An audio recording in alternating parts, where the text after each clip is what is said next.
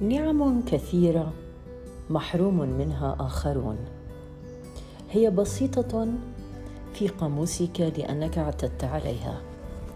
لو قررت أن تطير بجناحيك بعيدا عن نقطة الأمان التي تعيش بها تخرج من وطنك تتجه إلى أوطان أخرى تعاني من الحرمان والنقص والجوع والعطش وعدم الأمان.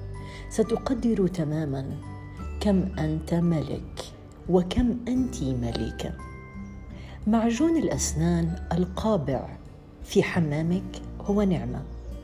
الصابون الخبز الدرهم القطة الصحة السلام الأمان الابتسامة الورقة القلم.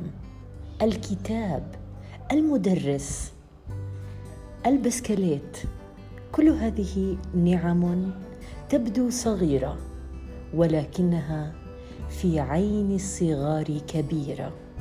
قدر كل نعمة أنت تعيش فيها مهما كانت صغيرة. فإن هناك شخص ما يدعو في جوف المساء وفي جوف الليل أن يمنحه الله هذه النعمة. صباح الخير.